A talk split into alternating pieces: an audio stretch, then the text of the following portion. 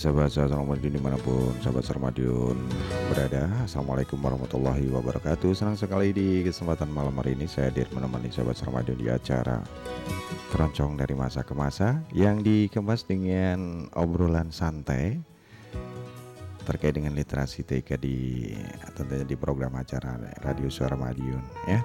Di edisi siar hari Rabu tanggal 17 Oktober 2018 Nah, tentunya juga sahabat Ramadan sudah bersiap diri dan saya akan kedatangan tamu istimewa sahabat Ramadan yang suka dengan uh, selfie-selfie ataupun pake, uh, bikin video-video gitu ya. yang mau diunggah ke YouTube. Nah, ini di sini ada sahabat saya yang jauh-jauh ya pokoknya sip dan itu ada Mas Yuda Taufikur Rahman. Nah, ini tentu nanti akan kita ajak ngobrol santai terkait dengan seorang youtuber gitu dan tentunya asik sekali nanti setelah beberapa lagu yang saya hadirkan jangan ke mana-mana tutup di 93 MHz Radio Suara Madiun.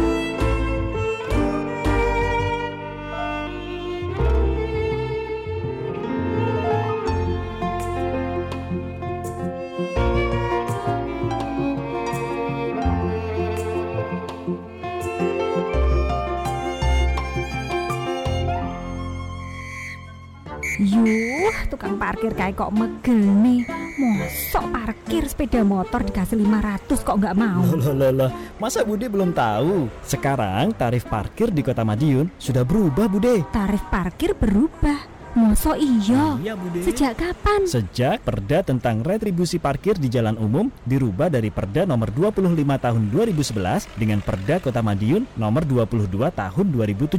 Walah, ngono toli. Lah Wasno tukang parkir mau tak senen-seneni. Waduh, kasihan Bude, Bude. Diberitahukan kepada seluruh pengguna jasa parkir di tepi jalan umum di wilayah Kota Madiun bahwa berdasarkan peraturan daerah Kota Madiun nomor 25 tahun 2011 tentang retribusi pelayanan parkir di tepi jalan umum sebagaimana telah dirubah dengan Perda Kota Madiun nomor 22 tahun 2017 tentang retribusi pelayanan parkir di tepi jalan umum mulai tanggal 1 Januari 2018 untuk tarif parkir di tepi jalan umum ada perubahan tarif baru. Tergandeng trailer, mobil bus besar dan kendaraan lain yang sejenis sebesar Rp8.000 untuk truk, mobil bus sedang, mobil bus kecil dan kendaraan lain yang sejenis sebesar Rp4.000 untuk kendaraan jenis sedan, pick up dan kendaraan lain yang sejenis sebesar Rp2.000 sepeda motor roda 3 sebesar Rp1.500 sepeda motor roda 2 sebesar Rp1.000 dan sepeda sebesar Rp500 Iklan layanan masyarakat ini dipersembahkan oleh Dinas Perhubungan Kota Madiun dan LPPL Radio Suara Madiun. LPPL Radio Suara Madiun. Radio Suara Madiun. Pak, jual rokok ini saja dijamin laris, soalnya murah. Rokok apa iki? Wah, aku tidak berani. Ini jelas rokok ilegal, tidak ada pita cukainya. Khusus, Pak, Pak, tapi kan untungnya besar, Pak. Nggak mau ah, ketimbang masuk bui, didenda lagi. Dampak perdagangan rokok ilegal berpotensi merugikan masyarakat, merugikan keuangan negara, dan menimbulkan persaingan yang tidak sehat. Direktorat Jenderal Bea dan Cukai menghimbau seluruh masyarakat untuk bekerja sama memberantas dan mencegah peredaran rokok ilegal. Apabila Anda menemukan rokok ilegal dengan ciri-ciri rokok tanpa dilekati pita cukai, dilekati pita cukai yang bukan hanya menggunakan pitai cukai tidak sesuai dengan jenis atau golongan, dilekati pitai cukai bekas, menggunakan pitai cukai palsu yang diproduksi tanpa izin, dikeluarkan atau diangkut tanpa dokumen. Segera laporkan ke kantor Bea Cukai Pratama Madiun. Iklan layanan masyarakat ini dipersembahkan oleh Sekretariat Tim Koordinasi Penggunaan Dana Bagi Hasil Cukai Hasil Tembakau Kota Madiun Bagian Administrasi Perekonomian dan Sosial Sekretariat Daerah Kota Madiun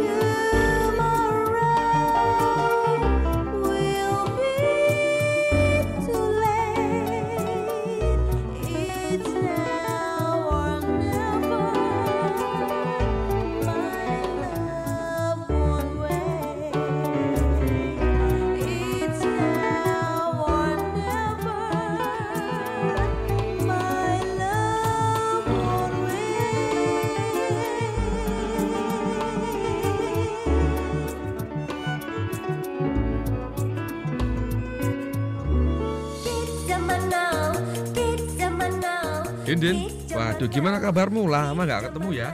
Baik aku mas, kenapa tau kenapa? Gimana kerjaanmu sekarang? Udah enak belum? Ya kerjaanku gini-gini aja mas. Terus kenapa nih?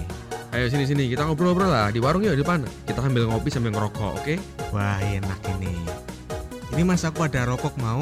Boleh boleh aku minta. Kebetulan rokokku lagi habis ini. Ini loh mas, ini enak baru aja aku beli dari toko kemarin. Ini kok rokoknya kayak gini? Wah, ini rokok ilegal ini, Drin. Kok bisa ilegal mas? Ini kan baru aku beli kemarin. Wah, kamu harus tahu ciri-ciri rokok ilegal. Emang ciri-cirinya kayak gimana mas? Ya ya, aku jelasin ya. Ciri-ciri rokok ilegal itu satu, tidak dilengkapi pita cukai atau polosan. Yang kedua, dilengkapi pita cukai yang bukan haknya. Yang ketiga, dilengkapi pita cukai yang tidak sesuai peruntukannya atau tidak sesuai golongannya. Yang keempat, dilengkapi pita cukai palsu atau pita cukai bekas. Wah, berarti ini rokok ilegal ya mas? ya? Palsu ini. Ya, itu ilegal itu. Emang cukai itu apa sih mas? Waduh, kamu ini sering ngerokok nggak tahu yang namanya cukai. Jadi cukai itu adalah pungutan atau pajak negara yang dikenakan atas suatu barang, contohnya ya rokok ini. Terus manfaatnya apa itu mas cukai mas? Mau tahu manfaatnya cukai? Jadi hasil dari cukai itu jadi penerimaan negara untuk biaya pembangunan. Contohnya bangun sekolah, bangun rumah sakit, jalan raya, dan sebagainya. Salah satunya ya dibiayai sama rokok yang kita beli ini. Wah manfaatnya banyak ya. Habis ini aku beli yang legal deh kalau gitu. Mulai sekarang hindari membeli rokok ilegal. Rokok ilegal adalah rokok tanpa pita cukai, dipasangi pita cukai palsu atau berpita cukai yang bukan peruntukannya. Rokok ilegal tanpa cukai merugikan masyarakat dan negara. Iklan layanan masyarakat ini dipersembahkan oleh LPPL Radio Suara Madiun.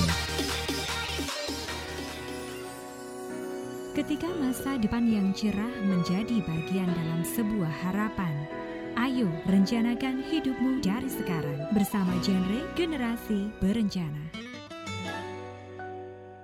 Dalam rangka penyiapan kehidupan berkeluarga bagi remaja, bertanggung jawab menjalankan program penyiapan kehidupan berkeluarga bagi remaja, suatu program yang memfasilitasi remaja agar belajar memahami dan mempraktikkan perilaku hidup sehat dan berakhlak untuk mencapai ketahanan remaja sebagai dasar mewujudkan generasi berencana atau genre. Jauhi perilaku seks bebas untuk menghindari infeksi penyakit menular seksual HIV dan AIDS. Katakan tidak pada narkoba. Sukseskan program PUP atau pendewasaan usia perkawinan menikah pada usia minimal 21 tahun untuk wanita dan 25 tahun untuk laki-laki.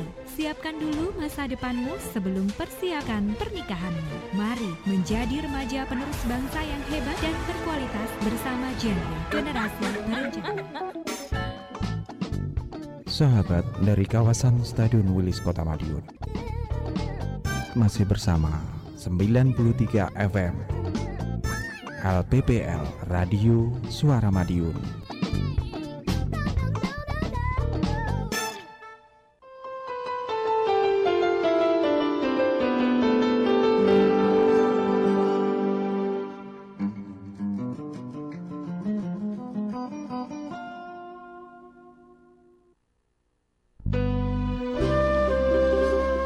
Ya 93 MHz sahabat Suara Madiun di mana pun sahabat Suara Madiun berada. Setelah ini tadi beberapa lagu ya yang sudah saya hadirkan mengawali perjumpaan kita di acara keroncong dari masa ke masa. Dan seperti yang janji saya tadi di awal sebelum acara kita mulai Saya sudah kehadiran eh, sahabat saya dari jauh-jauh dari Ponorogo katanya ada Mas Yuda Taifur Rahman. Nah, ini tapi ini julukan yang keren ini ada agak jidat gitu. Iya, tapi sebelumnya eh, saya ucapkan terima kasih untuk sahabat Sarmadin yang mungkin ma- malam hari ini simak di 93 MHz dan langsung saja saya sapa kehadiran sahabat saya di studio. Selamat malam Mas Aga Jidat ini. Malam Mas Edu. Iya, ini ini manggilnya eh, Mas atau Iya mas saja. Katanya biar biar Oke, agak lebih mudah siap. gitu. Iya, wes. selamat eh, datang. Terima kasih sekali. Kalau boleh tanya ini Ma- eh, Mas Jidat untuk apa namanya kehadiran di Suara Madiun ini baru pertama kali ini ya? Ya, ini baru pertama kali Ini pertama. alhamdulillah kita juga di eh, live acara Oh. siaran langsung luar biasa. Terima kasih sekali pada kru teman-teman saya di yang di luar sana. Wah, Wih, tim live streaming. Ini sama sebenarnya sama Ah, sama saya. iya, Saya biasanya kalau beliau-beliaunya ini di Ah, Facebook, kalau iya. saya live streamingnya di YouTube. Wah luar biasa ini sama-sama sama berkolaborasi gitu ya Ma- Mas Didat ya. Baik, sahabat Saramadun silakan ya untuk sahabat Saramadun mungkin nanti interaksi di sini melalui telepon di 461817 dan tentunya ma- tema malam hari ini saya ingin ngobrol bersama Kang Jidat ini kaitannya dengan produksi konten dan monetisasi ya, YouTube ya. Nah sekarang saya ingin mengawali perbincangan malam hari ini Kang Jidat terkait dengan eh, sebenarnya eh, latar belakang apa sih kok masuk di dunia yang lagi keren zaman now ini yang YouTube ini ya. Ya, Monggo silakan sebagai Jadi awal. em, kalau secara basic, eh, secara pendidikan, Mm-mm. saya kuliah di em, pendidikan, bidang Mm. pendidikan, pendidikan dasar. Hmm. Eh, S1 saya di IKIP PGRI Madiun, sekarang UDIPMA. Mm-mm. Dulu jurusan pendidikan dasar. Hmm. Oh, salah salah, kebalik.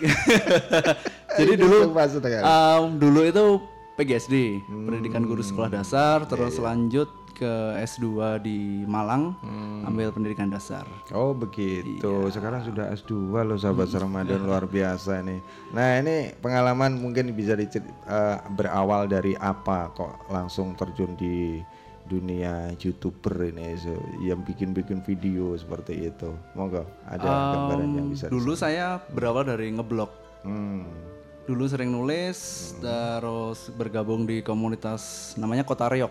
Hmm. Komunitas blogger Ponorogo, terus dari situ em, sedikit-sedikit belajar eh, mengenai cara mengolah atau menguasai informasi. Bukan Hmm. menguasai sih, lebih ke bagaimana mengelola informasi biar lebih eh, ada sisi positifnya, entah itu secara penghasilan atau eh, pengetahuan. Oh, ada penghasilan tanda kutip itu. Em, Alhamdulillah saya Wah, mulai ini. dari SMA kelas 3 SMK itu sudah Melalui pernah- blog itu. Ya dulu blog. Waduh, luar Dimulai dari biasa ini. Bisa membiayai sekolah ya, luar biasa ini di usia yang sangat muda ya pada saat itu ya di SMA Ya SMA kelas sudah 3 membiayai sendiri dengan kak- ah, eh, apa inovasi atau kreativitas melalui blog gitu Ya, tadi. ya. Sekarang sudah beralih ke YouTube Um, tahun YouTube. berapa?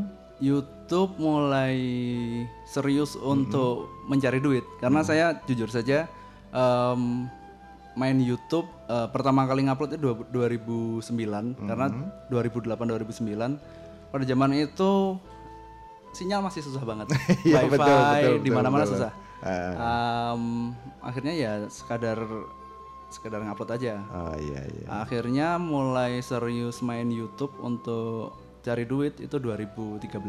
Wah ini benar-benar harus uh, profesional ya. Nah sekarang terkait dengan uh, kebutuhan secara teknis membikinan satu video yang bisa menarik ini mungkin um, Kang tidak bisa bisa memberikan apa namanya gambaran sedikit um, kalau dasar-dasarnya atau mungkin seperti itu berawal dari mana gitu Oh, masa iya. ya asal-asal ngambil gitu ya. Ya, Uh, em, pertama eh, belajar dari kesalahan saya dan kesalahan teman-teman zaman dulu.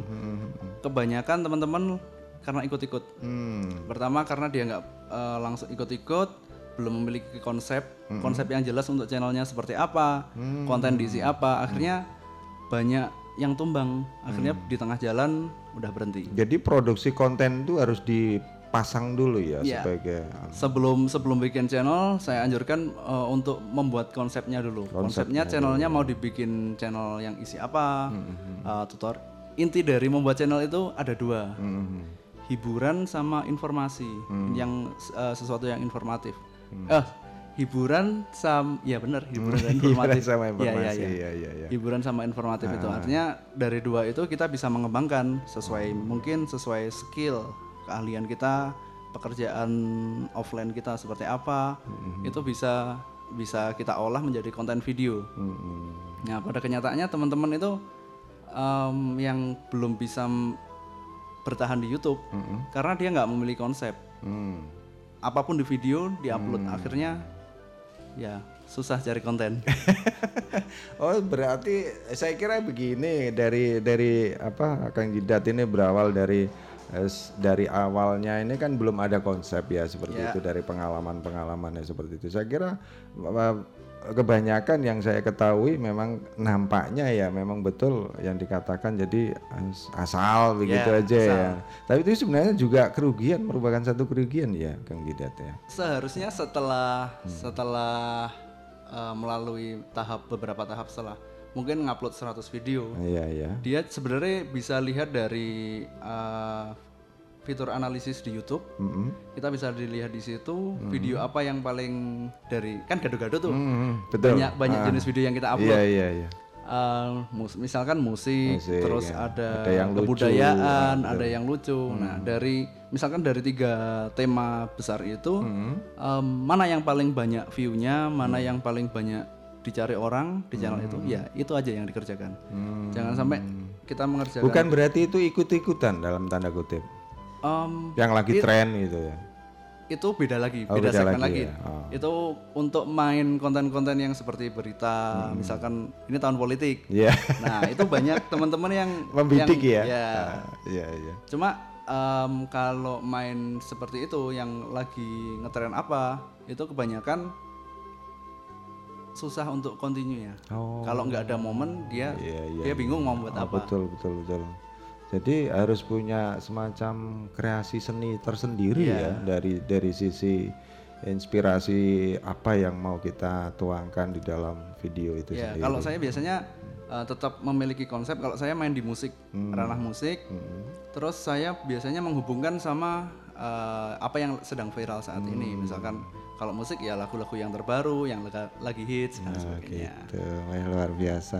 Ini namanya juga sudah ada yang mau gabung. Silakan di 461817. Saya persilakan untuk kita sharing-sharing obrolan malam hari ini. Tentunya terkait dengan tema produksi konten dan monetisasi eh, YouTube ya. Ini tadi ada Kang Jidat ini panggilan ngetrennya, tapi nama aslinya bukan itu ya. Saya jadi ikut-ikutan nyaman ini panggilan seperti itu. Nah, ini sudah kita ketahui bersama sahabat Seramadion ya terkait dengan eh, awal dari Kang Jidat ini seperti itu. Nah, yang menginspirasi terjun ke dunia YouTube pada saat ini ya Kang eh, Kang Jidat ini sebenarnya apa sih yang menarik di YouTube itu sendiri? Kalau boleh saya tahu secara pribadi penilaian kacamata penjenengan, ya Bang? Ya. YouTube itu uh, mulai benar-benar booming banget ketika uh, wabah Android Hmm. uh, terus wifi di warung-warung di oh, mana-mana. Jadi itu berjalan beriringan lah. Dia mulai dari situ terus apalagi ada peluang juga kalau di Instagram mungkin ada endorsement. Nah, kalau di Facebook ya di Facebook juga ada juga endorsement. Kalau di YouTube itu endorsement ada, paid promote dan AdSense. Yang terutama yang AdSense-nya ini yang yang yang mungkin menggiurkan bagi bagi teman-teman. Nah ini kalau bahasa-bahasa yang seperti itu saya mungkin bisa diibaratkan begitu ya karena memang eh, kita di visual untuk suara mungkin yang enggak enggak apa eh, melihat di Facebook mungkin di siaran langsung mungkin kita sendiri juga kesulitan. Nah dari istilah yang disampaikan tadi memang intinya ada ada semacam mata pencarian di situ ya seperti itu ya Kang Iya, Jidat bisa seperti dikatakan itu. begitu. Oh ya. Nah itu ukurannya apa Kang Jidat? Kok kita sudah dinyatakan bahwasanya kita mendapat penghasilan dari situ? Ya, em, untungnya saya main YouTube itu sudah lima tahunan yang lalu lah. Lima Untungnya itu. Iya, iya, Kalau saya baru mulai sekarang, ini bukan bermaksud untuk mematahkan teman-teman yang pengen iya. belajar ya. Benar benar benar. Tapi eh, pada kenyataannya emang begitu. Kalau sekarang mau bikin channel YouTube untuk bisa masuk ke tahap bisa menghasilkan uang, termonetis- monetize, monetize, monetize ya. eh, itu jadi harus minimal 1000 pelanggan, subscriber, Subscriber ya. sama 4000 menit atau jam ya, lupa saya. Hmm. Oh ada ketentuan Iya ya? ada ketentuan itu baru bisa uh, mengajukan untuk di menghasilkan uang. Hmm, nah sekarang selama ini yang yang yang digeluti oleh Kang Jidat ini kaitannya dengan youtuber ini pasti akan muncul permasalahan-permasalahan, iya kan? Nah, Tetapi ya memang tidak mudah kita me- apa namanya membuat satu karya yang mulus begitu ya. Iya. Nah ini kalau boleh disampaikan ini yang kita sharing dengan mungkin sahabat Sarmadin juga eh, juga suka dengan ya pingin masuk di dunia youtuber ini kira-kira apa sih masalah-masalah yang dihadapi para youtuber ini pada saat ini ya, ya. yang mungkin dari sisi, teknis ya Oh, mungkin iya. dari sisi apa eh, taktik untuk menarik dan sebagainya monggo Iya. ini kita bisa sharing J. Kalau saya dulu em, YouTube itu untuk men- eh, membuat YouTube terus tips triknya itu berdasarkan pengalaman. Hmm, Jadi saya berproses selama lima tahun ini baru dua tahun ini benar-benar em, gimana ya di zona nyaman. zona nyaman. Jadi zona- berarti alami begitu ya, Iya. tidak melalui pendidikan khusus dan sebagainya Oh, atau enggak, pelatihan semacam itu. Enggak. Jadi melalui riset sendiri, mel- melalui riset terus ngobrol sharing sama teman-teman juga. Nah, kalau dulu kita harus riset sendiri, kita sharing sama teman-teman sendiri. Nah, kalau sekarang em, semua sudah ada di internet. Tutorial cara bikin channel, cara produksi konten, seperti apa pun saya rasa sudah banyak banget. Dan contoh-contoh channel em, tentang gadget, vlog atau yes apa pun ada sekarang. Kita tinggal tinggal eh, memilah mana yang paling cocok buat kita. Hmm, hmm. Beda sama saya dulu. Sudah jauh beda ya. Baik, namanya juga sudah ada yang bergabung di 461817. Mas Yuda kita beri kesempatan ya sebentar. Eh, Assalamualaikum. Halo, selamat malam. Assalamualaikum Iya. warahmatullahi wabarakatuh. Waalaikumsalam warahmatullahi wabarakatuh. Iya, kabar sehat Mas. Alhamdulillah sehat. Alhamdulillah. Siapa Mas yang satunya? Kang Jidat. Jidat. Hmm, iya. Keren kan? Ya, keren banget. Ini nah. iya, Kang itu emas, Iya. kalau jidat itu Ini Batu sudah emas. ya emas. maknanya ke situ. gitu. berarti orangnya ganteng kan? Nah, ya pasti lah. Ya pasti ya, ya namanya laki-laki. Iya betul. Ah, tadi tema yang disampaikan ah, adalah apa itu? Oh, Produksi konten dan monetisasi YouTube. Ini Perlu- seorang youtuber ini. Oh gitu ya. Hmm, Ini kalau nggak boleh saya sampaikan ini bocoran bocoran dari saya kalau bukan Mbak Wulan nggak saya nggak bilang ini. Dia tuh se- sebagai peraih silver play button loh dari YouTube loh internasional loh ini. Oh gitu ya. Hmm, ini kalau nggak buat Mbak Wulan nggak saya kasih oh tahu. gitu. Oh. Ya tapi kan yo kafe. Iya wes, apa ini Mbak yang mau di-sharingkan Iya, di sini yang eh, kalau kalau Mas apa Kang Gida tadi Hmm, ini ya eh, masalah YouTube, Hmm, YouTube hmm, hmm. eh, terjun di eh, dunia YouTube. Iya. Lah, bagaimana eh, yang saat ini yang lagi ngetren ini kan aplikasi ya. Hmm. Aplikasi di situ ada aplikasi eh, seperti streaming, itu kan Mm-mm. juga melalui aplikasi. Iya. Terus bisa ngawasin anak pada saat Mm-mm. ini yang lagi ngetren anak-anak sekolah. Iya. Nah itu kan juga pakai aplikasi ya macam-macam aplikasi. Iya, iya, iya. Apakah panjenengan juga eh, me- apa eh, di di situ juga menekuninya gitu loh mas? Hmm, tidak hanya di YouTube saja Oh, bikin tidak YouTube dan tidak hanya di sebagainya. YouTube kan. saja, Hmm. apakah ya juga di terjun eh, macam-macam aplikasi saat ini yang lagi ngetren Hmm. gitu. Ya memang memang penting sekali gitu loh kalau aplikasi itu benar gitu Iya. ya. Kalau misalnya kita jauh pengen dengerin radio suara Madiun sekarang sudah ada aplikasinya streaming. melalui stra- eh, streaming, Streaming, iya. gitu. Nah, apakah itu Mas itu hanya itu aja pertanyaan saya? Oke, Eh, lagunya lagu- apa ini? eh, eh, lagunya apa ya sing kreatif itu ya kan saat ini anak-anak bangsa Indonesia ini benar-benar luar biasa Iya. kekreatifannya Ma- makanya jangan sampai anak bangsa Indonesia ini dikuasai oleh orang-orang orang-orang lain Mm-mm. Oh, misalnya orang eh, mudah-mudahan nggak pergi dari Indonesia Oh, gitu loh ya. gitu ya. Soalnya luar biasa anak Indonesia, anak negeri ini luar gitu ya. biasa gitu. Iya. Ya lagunya apa ya? Indonesia Jelita belum ada ya Mas ya. Mm-mm. Dari dulu saya minta Indonesia Iya, saya Jelita itu ke mana-mana nggak ada. Adanya Indonesia aku tok ini. nggak apa-apa wes Indonesia aku. Iya. Kan kan Bukan kan tok, kita- Ding. Ya. Hah? Ya bukan tok ya Indonesia, Indonesia aku. aku gitu. Indonesia eh, Tata Raharja juga Ya. kan itu. Iya. Tapi ya Indonesia aku itu ya Pak atau kemakmuran Indonesia. Indonesia kan sangat sangat makmur. Iya. Baik mulai dari penghasilan bumi, Hmm. juga dari anak-anaknya generasi anak-anak saat ini juga luar biasa. Iya.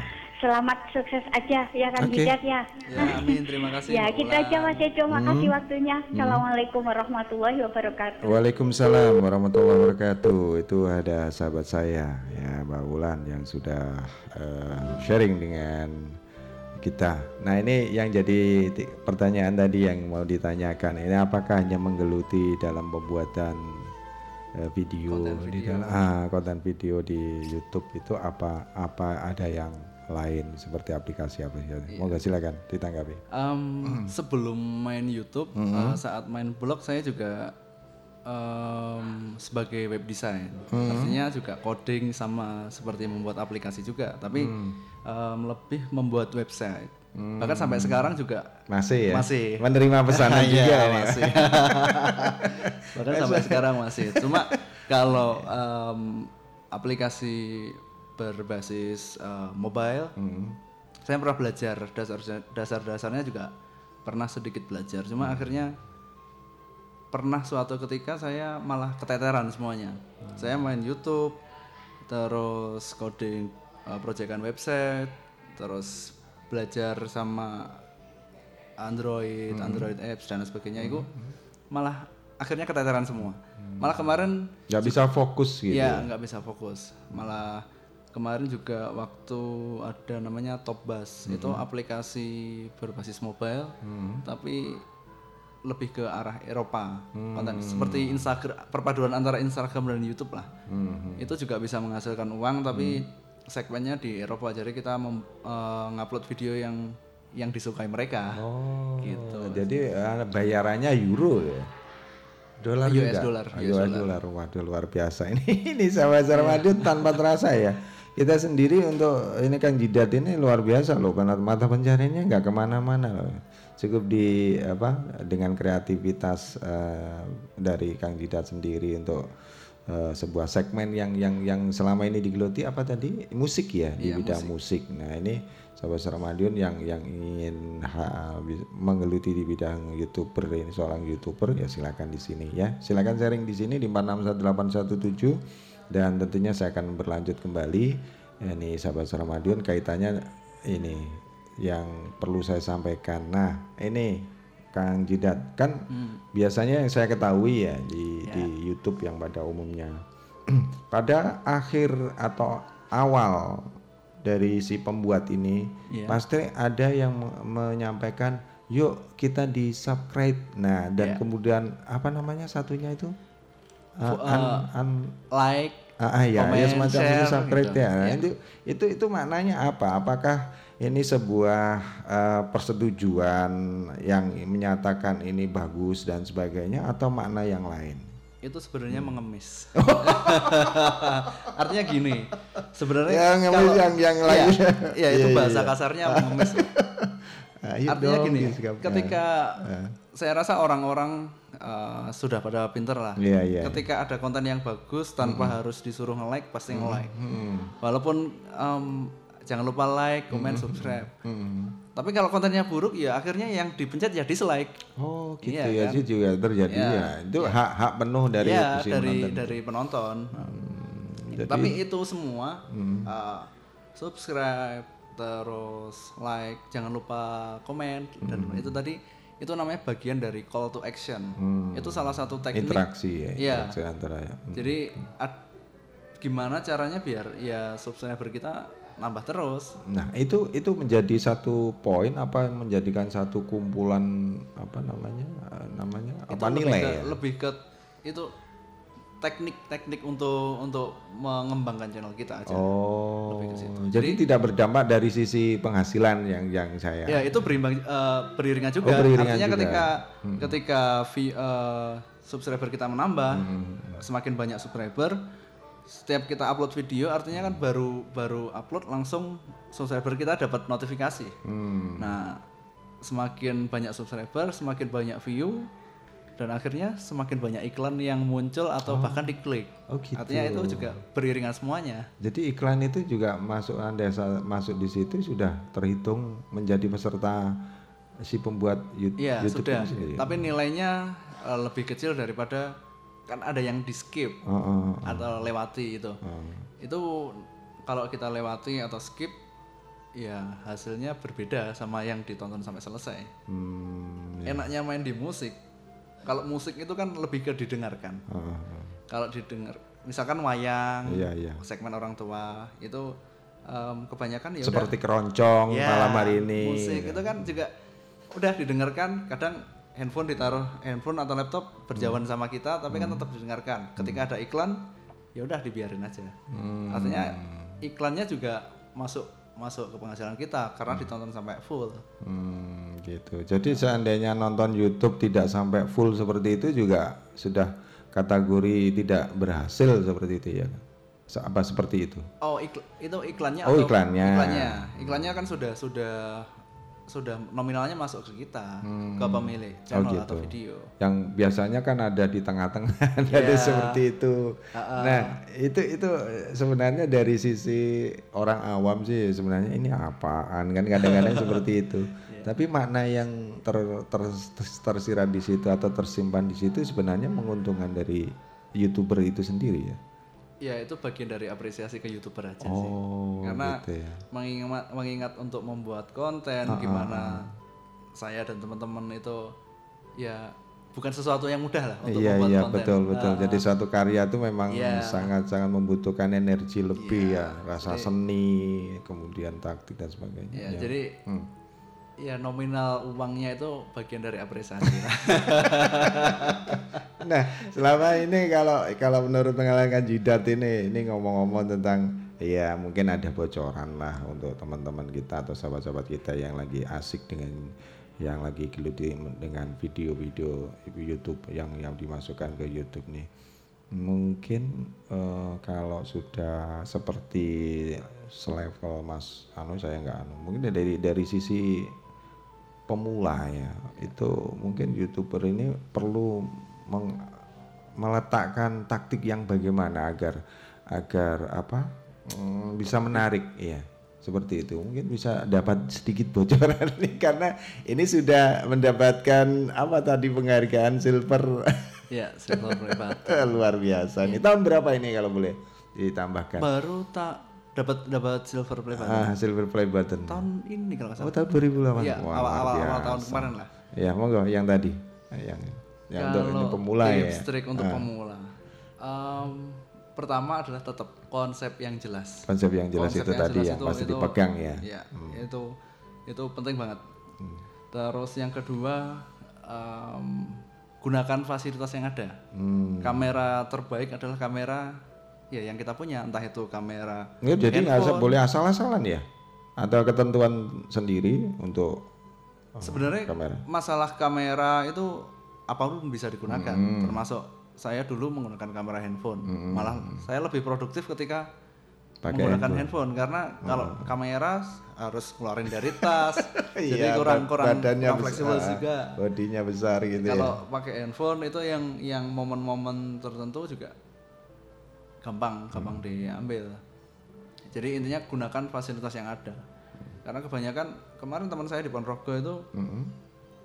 eh, teman-temannya main YouTube, terus ngerti temennya dapat duit, Mm-mm.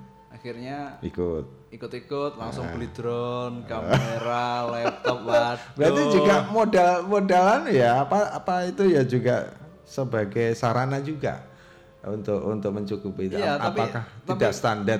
Ada standarnya atau seperti apa?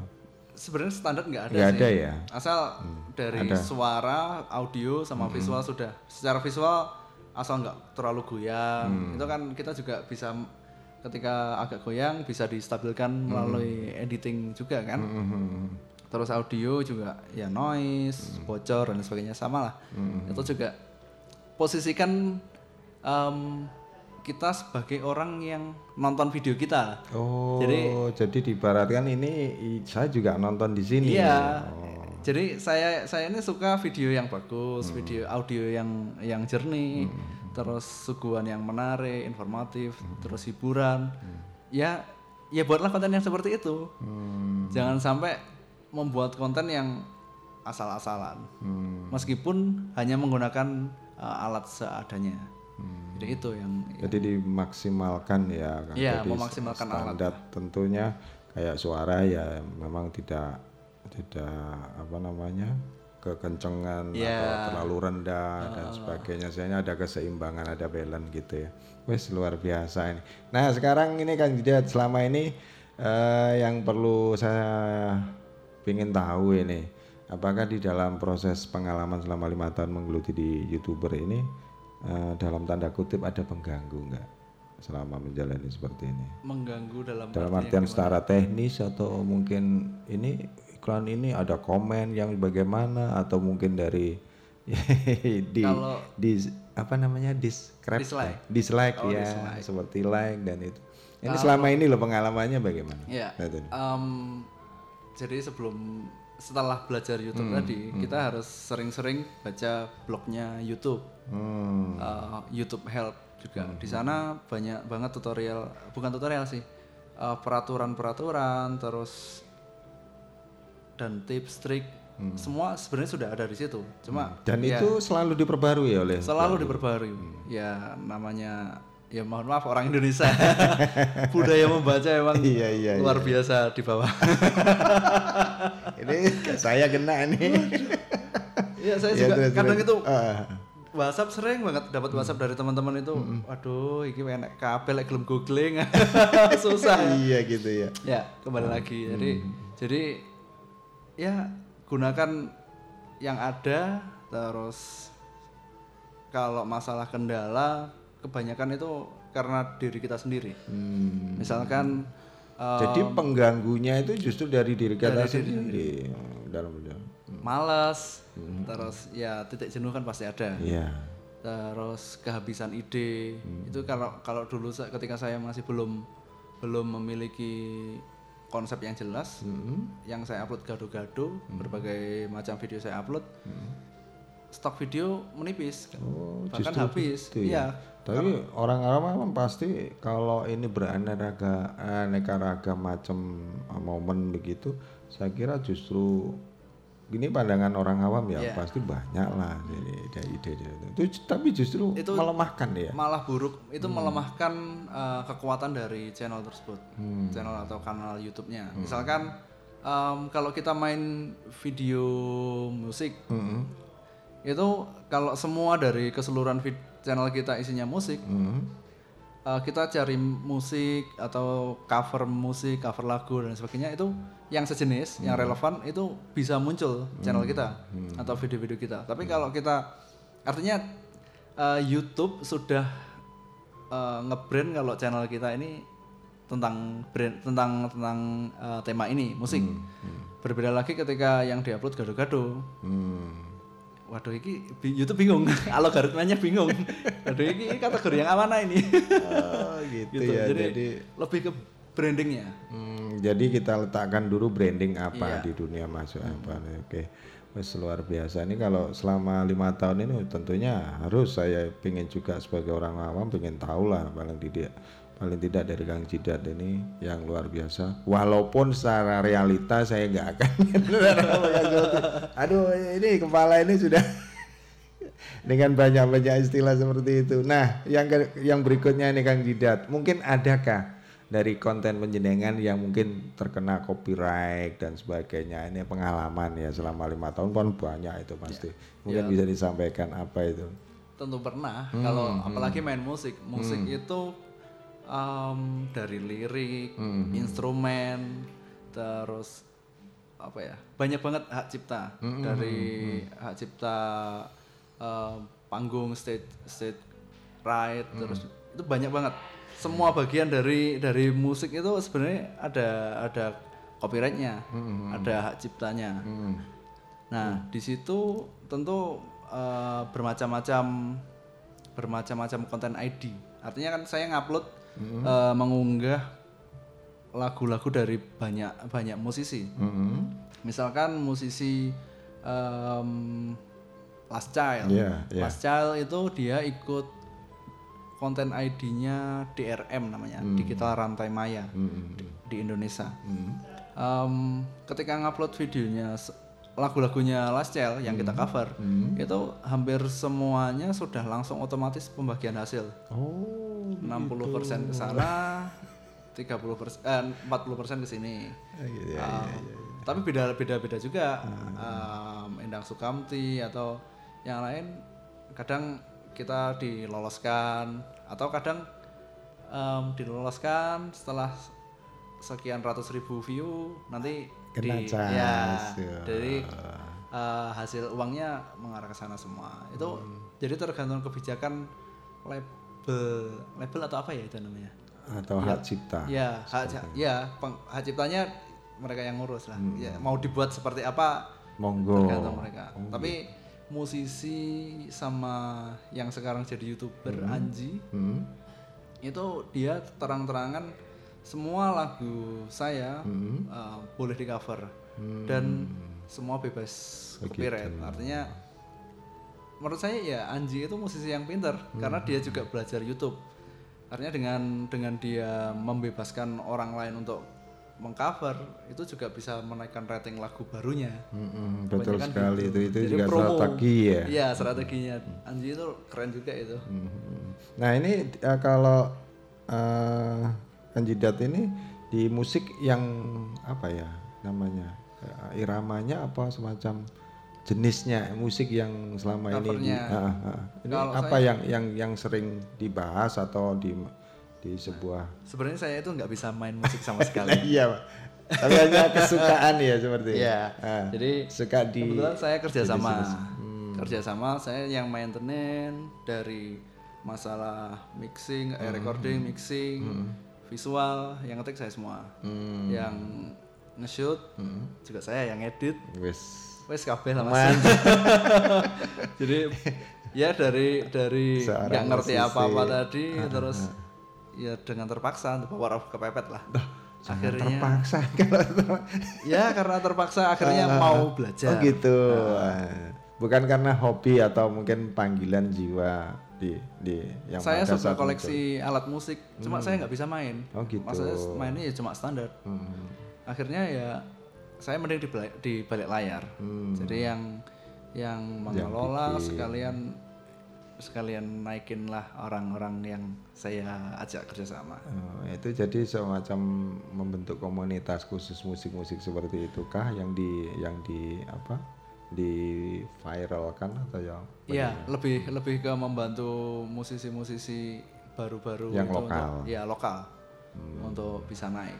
Hmm. Kalau lesnya enggak. Nah, lesin apa ini? Iya ini kalau kalau saya ingat tadi yang yang yang ceritanya dari sisi akademis kan sebenarnya melenceng jauh kan Iya. kalau boleh ini ini kenapa ya kok Mas Jidat itu justru arahnya itu ke ke, ke, menggeluti di bidang youtuber apa yang kira-kira menjadi satu satu apa pertimbangan yang khusus saya harus terjun di dunia ini walaupun secara akademis saya nggak nggak ke sana juga. Ini apa ini kalau boleh tahu ini jujur ini Mas. Kalau saya balikannya mas. Hmm, Jadi gitu ya? Kalau saya sebenarnya saya menyukai dunia anak-anak. Mm-mm. Eh, dunia pendidikan anak saya saya suka. Oh, Iya iya. Tapi untuk biaya jadi YouTube itu YouTube Mm-hmm. bukan cuma YouTube, internet, teknologi saya gunakan untuk membiayai kuliah saya. Jadi dibalik. Begitu ya. Kalau saya justru. gitu. Oh, oh, oh. Tapi di, di dalam setelah selesai dari pendidikan itu sendiri kan menjadi penghasilan juga. Ya, tetap. Nah, apakah dari tidak memanfaatkan dari sisi akademisnya tadi? Dari, Ya, dari- ini mau belum. masih belum. saya baru lulus, baru lulus kapan ya? Dua setengah bulan yang lalu. Oh gitu. Tapi juga nggak ikut wisuda. ini waduh luar biasa nih Kang Jidat ini. Bah, eh, sahabat Ramadan perlu ketahui, jadi mulai saat SMA sudah bergelut dengan membiayai sendiri luar biasa ini. Eh, saya sendiri kalau menjadi orang tuanya pasti bangga ini. ini kan jidat. Lanjut deh, ini hanya apa namanya eh, obrolan santai aja. Nah kemudian ini eh, dari sisi apa ya tadi tadi ada yang semacam dari musisi lain yang seperti itu Iya. ada ada ta, apa ada tarif tertentu dan sebagainya. Nah, ini yang kira-kira yang menyebabkan dari seorang atau video bentuk video itu yang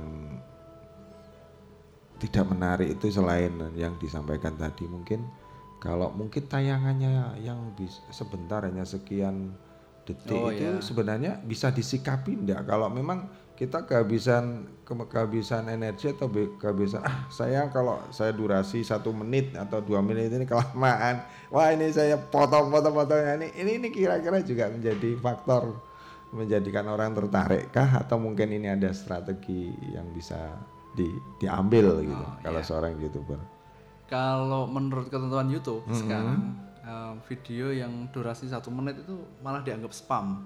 Oh Ya. itu Jadi justru eh, YouTube menganjurkan videonya di atas 5 menit kalau nggak salah. Hmm. Jadi itu karena YouTube algoritma YouTube sekarang itu Iya, iya, bukan iya. jumlah view-nya yang Oh, begitu dihitung, ya. tapi eh, tayangan ditonton berapa Hmm. menit berapa menit. Misalkan kita punya video durasi satu eh, satu, vid- satu video ini 10 menit. Heeh.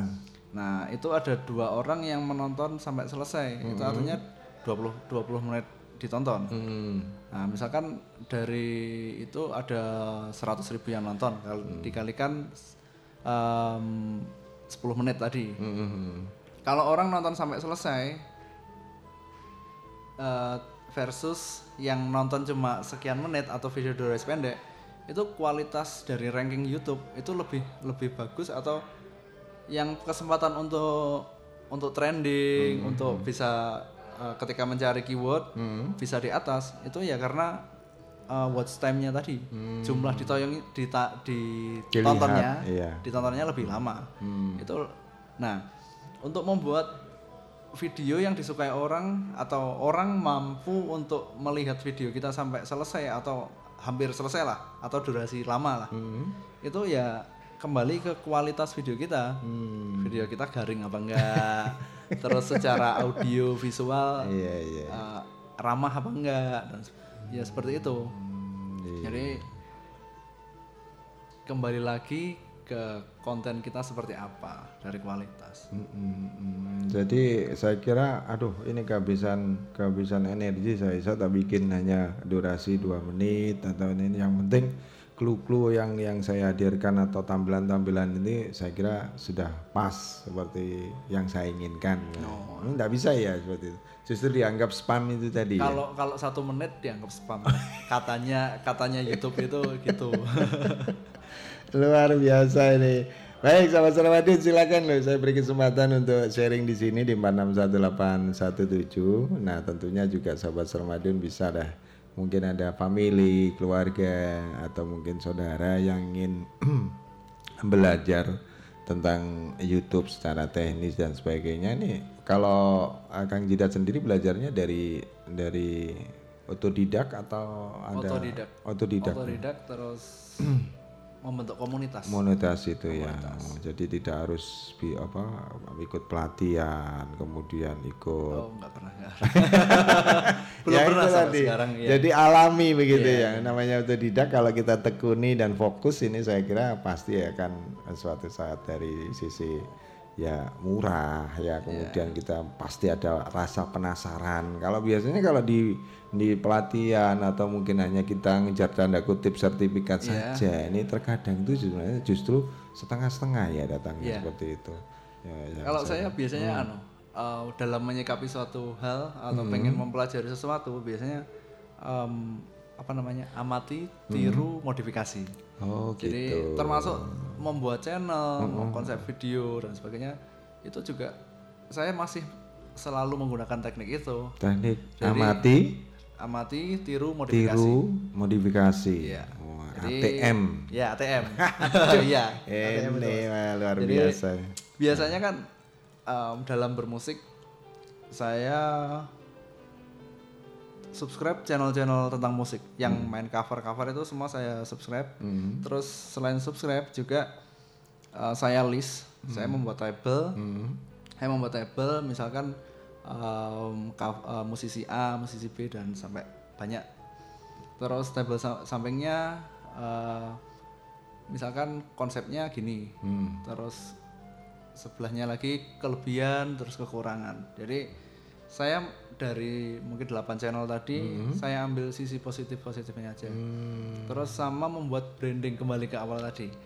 S- Jujur, secara visual audio punya saya itu jauh dibanding musisi cover yang ada di YouTube sekarang. Tapi sisi menariknya eh, saya konsepnya ngamen di jalan. Jadi bukan ngamen yang Ya ya yang ya, ya muter-muter umumnya Ah, ya. jadi saya eh, sama teman saya di Malang itu di CFD, CFD kami bawa back sound, terus saya juga bawa mixer, satu tempat ya, wisata ditonton ya, seperti itu ya kayak di luar negeri lah, kayak iya. street musician. ya itu kan sebenarnya juga mengamati dari yang di luar negeri. Ah, ah. Hasil saya modifikasi. Iya, hasil modifikasi. iya iya itu ya luar biasa.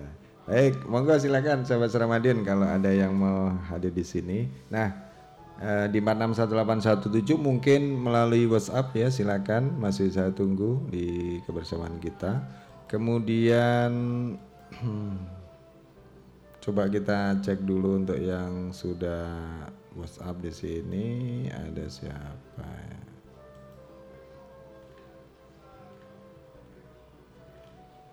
Oh, nampaknya masih sepi-sepi. Iya. Silakan di 461817 kalau ada sahabat Ramadan yang ingin sharing di sini. Nah, kita bahas lagi ya untuk eh, permasalahan yang lain ini kita sharing-sharing di obrolan santai kaitannya dengan peng- berbagi pengalaman ya Kang Didet ya. Ini selama ini ya sudah lima tahun untuk menggeluti itu dari seorang blog pembuat blog kemudian beralih ke seorang YouTube. Nah kemudian untuk untuk orang awam juga terkadang saya jadi timbul pertanyaan. Eh, kita kalau kita lihat di YouTube ya, kemudian kita tidak melakukan apa-apa di situ hanya nonton aja. Kemudian kalau sudah separuh ah ini kurang bagus pindah lagi. Terus kemudian lihat lagi yang lain pindah lagi seperti itu. Eh, ada nilai nggak seperti itu? Nilai untuk videonya. Mm-mm, mm-mm, mm-mm.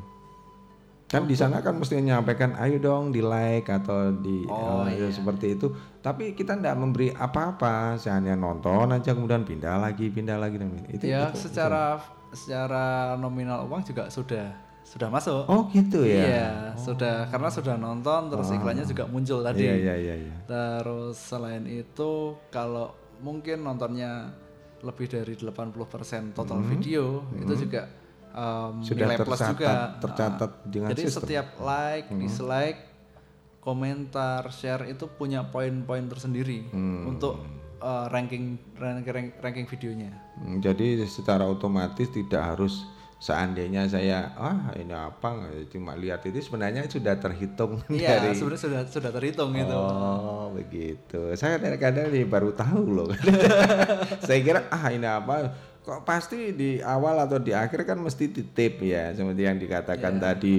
Mbok saya di like atau Ah. ini atau in- eh, jangan sampai atau komen dan sebagainya seperti itu. Ini maksudnya apa itu? Nah ini manfaatnya apa kan seperti itu kan? Ini Iya. orang awam saya sendiri sebagai orang awam kan tidak tahu. Nah ini ternyata itu sudah masuk hitungan Iya, untuk memperoleh dalam tanda kutip penghasilan Iya, itu tadi. penghasilan. Nah itu dari awal untuk ke YouTube itu juga sudah sudah ada semacam standar apa ya syarat-syarat khusus apa enggak ya? Anu Kang Jidat di awal. Ah, ah, masuk di situ. Member katakanlah atau semacam apa anggota Kalau sebenarnya secara umum kita membuat email Gmail itu sudah kita sudah memiliki akun YouTube. Oh gitu. Tinggal Sudah berhak kita- ya. Sudah berhak termasuk komentar itu sudah bisa. Hmm.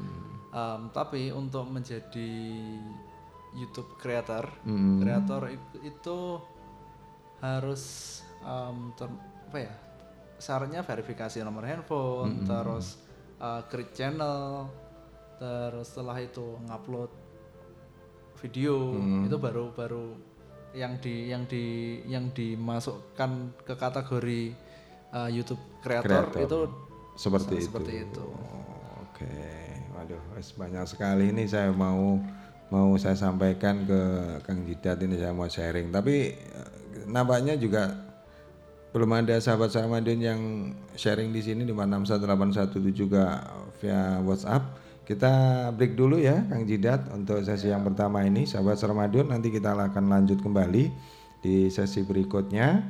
Ada beberapa lagu yang akan saya hadirkan di acara keroncong dari masa ke masa ini yang kita kemas dengan obrolan terkait dengan literasi digital versi Radio Suara Madiun. Ya, jangan ke mana-mana, tetap di 93 MHz Radio Suara Madiun. Dan setelah beberapa lagu saya akan balik kembali menemani sahabat Suara Madiun.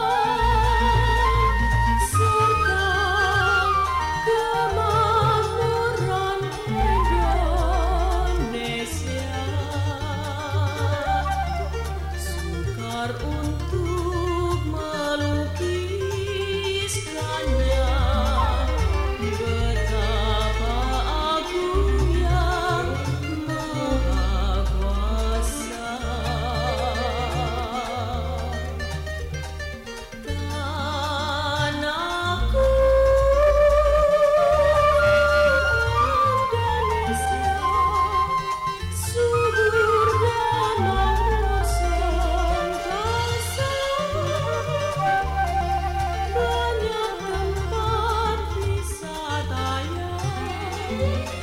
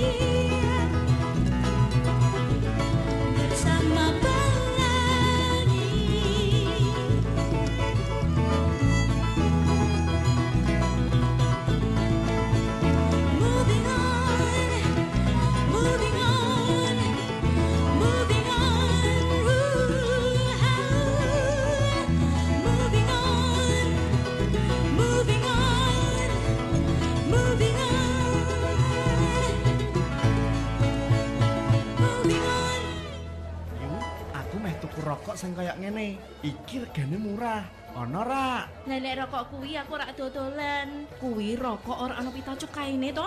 Sampeyan kuwi ganteng-ganteng kok ya tuku rokok ilegal. Kuwi ngrugike negara lho. Direktorat Jenderal Bea dan Cukai menghimbau seluruh masyarakat untuk bekerja sama memberantas dan mencegah peredaran rokok rokok ilegal. Apabila Anda menemukan rokok ilegal dengan ciri-ciri rokok tanpa dilekati pita cukai, dilekati pita pitai cukai tidak sesuai dengan jenis atau golongan, dilekati pitai cukai bekas, menggunakan pitai cukai palsu yang diproduksi tanpa izin, dikeluarkan atau diangkut tanpa dokumen. Segera laporkan ke kantor Bea Cukai Pratama Madiun. Iklan layanan masyarakat ini dipersembahkan oleh Sekretariat Tim Koordinasi Penggunaan Dana bagi Hasil Cukai Hasil Tembakau Kota Madiun, Bagian Administrasi Perekonomian dan Kesejahteraan Rakyat Sekretariat Daerah Kota Madiun. Halo ibu-ibu, tahukah Anda bahwa kemiskinan, kebodohan, kematian banyak disebabkan karena salah pengendalian di dalam keluarga? Saat berumah tangga dan memiliki banyak anak, bagaimana mereka memenuhi kebutuhan rumah tangga mereka? Ayah bekerja, ibu juga bekerja. Apa saja kebutuhan yang harus dipenuhi? Rumah tangga, pangan, pakaian, pendidikan, tabungan. Tidak mudah memenuhi kebutuhan keluarga, bukan? Tidak jarang, anak terpaksa harus ikut bekerja. Tanpa perhatian dan pendidikan, berpotensi terlibat kejahatan. Jika penghasilan tidak mencukupi kebutuhan rumah tangga, tidak terpenuhi. Akibatnya, sakit yang berisiko pada kematian. Ayo warga semua ikut KB. Dua anak lebih baik, pria wanita sama saja. Untuk generasi muda jauhkan segala dari narkoba. Generasi muda berencana turut membangun negara. Ingin info lebih lanjut kunjungi pos pelayanan KB terdekat atau datang ke dokter bidan PKB Klinik KB, puskesmas, dan rumah sakit pemerintah atau swasta dan rencanakan masa depan keluarga Anda.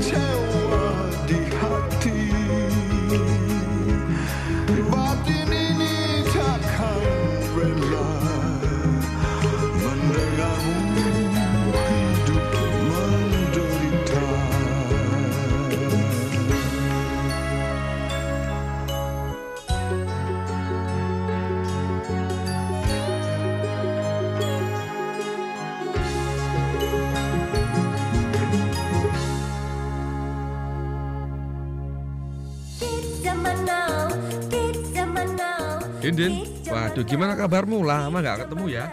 Baik aku mas, kenapa tau kenapa? Gimana kerjaanmu sekarang? Udah enak belum? Ya kerjaanku gini-gini aja mas. Terus kenapa nih? Ayo sini sini kita ngobrol-ngobrol lah di warung yuk di depan. Kita sambil ngopi sambil ngerokok, oke? Wah enak ini. Ini mas aku ada rokok mau? Boleh boleh aku minta. Kebetulan rokokku lagi habis ini. Ini loh mas, ini enak baru aja aku beli dari toko kemarin. Ini kok rokoknya kayak gini. Wah, ini rokok ilegal ini, Drin. Kok bisa ilegal mas? Ini kan baru aku beli kemarin. Wah, kamu harus tahu ciri-ciri rokok ilegal. Emang ciri-cirinya kayak gimana mas? Ya ya, aku jelasin ya. Ciri-ciri rokok ilegal itu satu, tidak dilengkapi pita cukai atau polosan. Yang kedua, dilengkapi pita cukai yang bukan haknya. Yang ketiga, dilengkapi pita cukai yang tidak sesuai peruntukannya atau tidak sesuai golongannya. Yang keempat, dilengkapi pita cukai palsu atau pita cukai bekas. Wah, berarti ini rokok ilegal ya mas ya? Palsu ini. Ya, itu ilegal itu. Emang cukai itu apa sih mas? Waduh, kamu ini sering ngerokok nggak tahu yang namanya cukai. Jadi cukai itu adalah pungutan atau pajak negara yang dikenakan atas suatu barang, contohnya ya rokok ini. Terus manfaatnya apa itu mas cukai mas? Mau tahu manfaatnya cukai? Jadi hasil dari cukai itu jadi penerimaan negara untuk biaya pembangunan. Contohnya bangun sekolah, bangun rumah sakit, jalan raya, dan sebagainya. Salah satunya ya dibiayai sama rokok yang kita beli ini. Wah manfaatnya banyak ya. Habis ini aku beli yang legal deh kalau gitu. Mulai sekarang hindari membeli rokok ilegal. Rokok ilegal adalah rokok tanpa pita cukai, dipasangi pita cukai palsu atau berpita cukai yang bukan peruntukannya. Rokok ilegal tanpa cukai merugikan masyarakat dan negara. Iklan layanan masyarakat ini dipersembahkan oleh LPPL Radio Suara Madiun.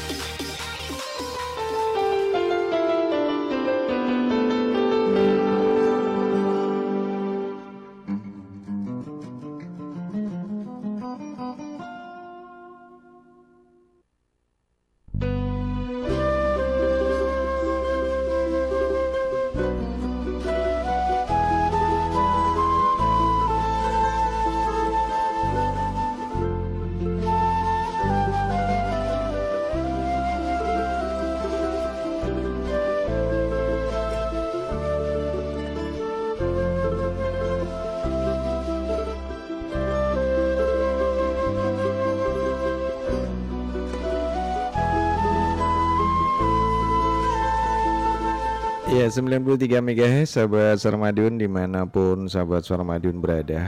Ini kita masih di acara keroncong dari masa ke masa Dengan kemasan obrolan santai terkait dengan tema malam hari ini Yang tentunya tidak apa namanya tidak jauh dari TIK tentunya ya. Kaitannya dengan permainan blogger ya. Seorang blogger ini sudah kehadiran seorang kok blogger mohon maaf youtuber.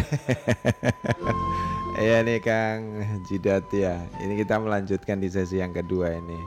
Ini Kang kaitannya tadi tema ya. Kalau konten seperti apa tadi kita sudah jelaskan ya karena produksi kontennya. Kemudian yang ada istilah monetisasi YouTube itu seperti apa sih? Kalau mungkin bisa di share dengan pendengar atau sahabat suara Madiun monggo silakan monetisasi atau Hmm. jangan jarang banget saya ngomong Iya, iya. monetisasi biasanya monetize gitu aja Monetize, karena ya. em, ya itu adalah fitur untuk mengaktifkan em, biar YouTube kita menghasilkan uang Hmm. jadi kemarin ada kasus em, orang Ponorogo dia dulu di eh, jadi TKI dia senang berbagi video-video ketika di sana Hmm. nah tapi dia nggak nggak mengaktifkan fitur monetize tadi ya walaupun subscriber terus uh, view-nya jutaan ya Sudah. nggak nggak menghasilkan oh gitu ya nggak menghasilkan uang Oh itu dia secara otomatis ya monetize ini. Ya. monetize itu diaktifkan sekali Hmm. terus setelah itu otomatis iklannya langsung muncul sendiri Hmm. ketika video kita uh, tidak terdapat copyright ya tentunya hmm. kalau kalau nggak kena copyright itu Hmm. sudah otomatis otomatis muncul sendiri iklannya jadi Jadi ya, wajib harus seorang. YouTube youtuber yang ingin mem- menghasilkan Uang. uh, uh, uang itu harus dimonetis. Iya, mon- Monet- monetize. monetize. Iya, monetize. Wah, ini yang yang pengalaman dari teman kita itu yang, yang banyak seperti itu ya, yang yang mungkin jarang diketahui mungkin ya kalau sebagai pemula. Terus pokoknya asal senang suka hobi bikin video ya bagi bagi Nah. orang-orang yang uh, hobinya ngupload video atau Hmm. narsis Hmm. dalam bentuk video Hmm. itu mungkin banyak yang belum tahu Hmm. bahkan teman-teman saya itu ada beberapa yang awalnya karena hobi ngupload video Hmm. uh, terus akhirnya ngerti ngerti setelah sekian lama baru ngerti kalau YouTube itu bisa menghasilkan gitu Terus berame-rame itu. Ya. ya. Nah ini menjadi persaingan enggak menurut Kang Jidat ini kalau ada pemula yang hadir mau menggeluti itu ayo ini, ini seperti itu ada dalam tanda kutip ini menjadi pesaing apa enggak Kalau menurut persaingan enggak kayaknya. enggak ya Iya. Yang beda ya kalau Nah, jual beli gitu motivasi ya. aja. oh motivasi saja enggak kadang terkadang kan ah ini ikut-ikutan aja ada kesan seperti itu dan sebagainya mungkin Ya, kebanyakan pemula uh, atau orang yang baru belajar YouTube, ya akhirnya ikut-ikutan tadi tanpa tanpa punya konsep yang jelas. Ada ATM itu Iya, tadi ATM-nya. sebenarnya. Se- seharusnya ada modifikasi tapi plek niru lah. Susah itu. baik yang sudah tersambung selamat malam halo Selamat malam Mas Edo. Ya, selamat malam Selamat malam uh, Mas narasumber. iya Kang Jidat ini Ya, oh, ya Kang Cicat. Mm-mm. Ah, ini temanya uh, itu lagi teknologi. Iya, ini kaitannya dengan eh, membikin video di YouTube, Kang John, Om John. gitu ya.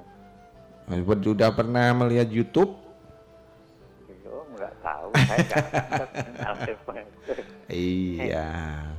Iya, kalau saya uh, beberapa waktu yang lalu menyampaikan seperti Mas Hmm. Edo bilang, Hmm.